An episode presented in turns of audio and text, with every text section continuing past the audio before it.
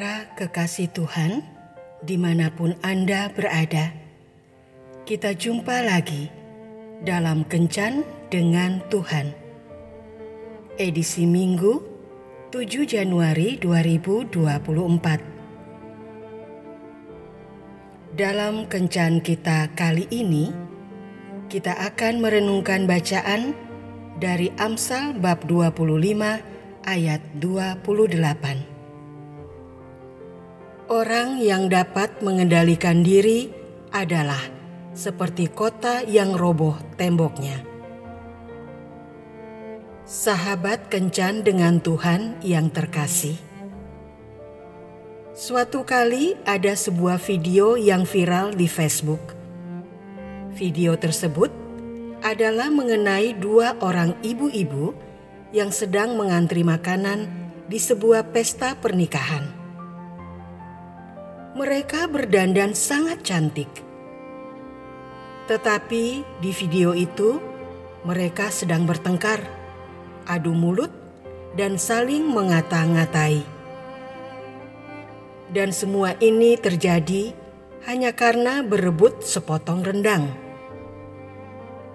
Akhirnya, dari adu mulut, mereka mulai main fisik, saling mendorong dan memukul penguasaan diri seharusnya kita miliki dalam berbagai situasi.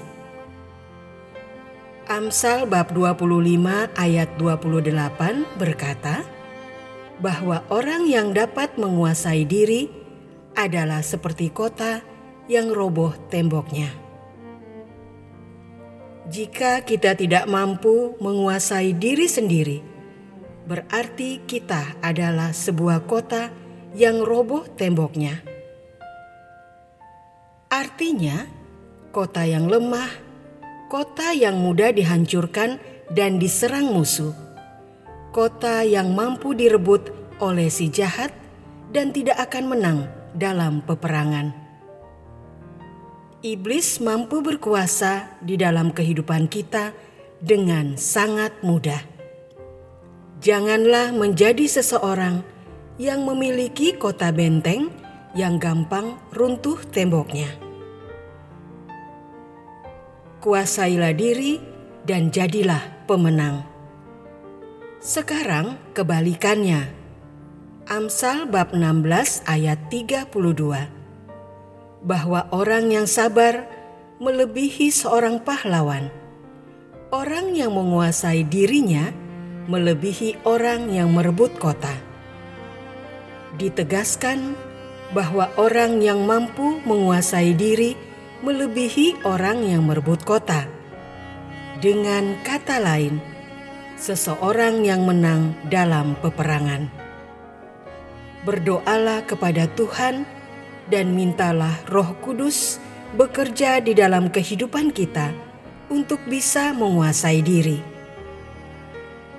Kuasailah diri dalam berbagai hal baik itu dalam hal makanan, kesabaran menghadapi seseorang, rasa marah, iri hati, dengki, cemburu, dan lain halnya.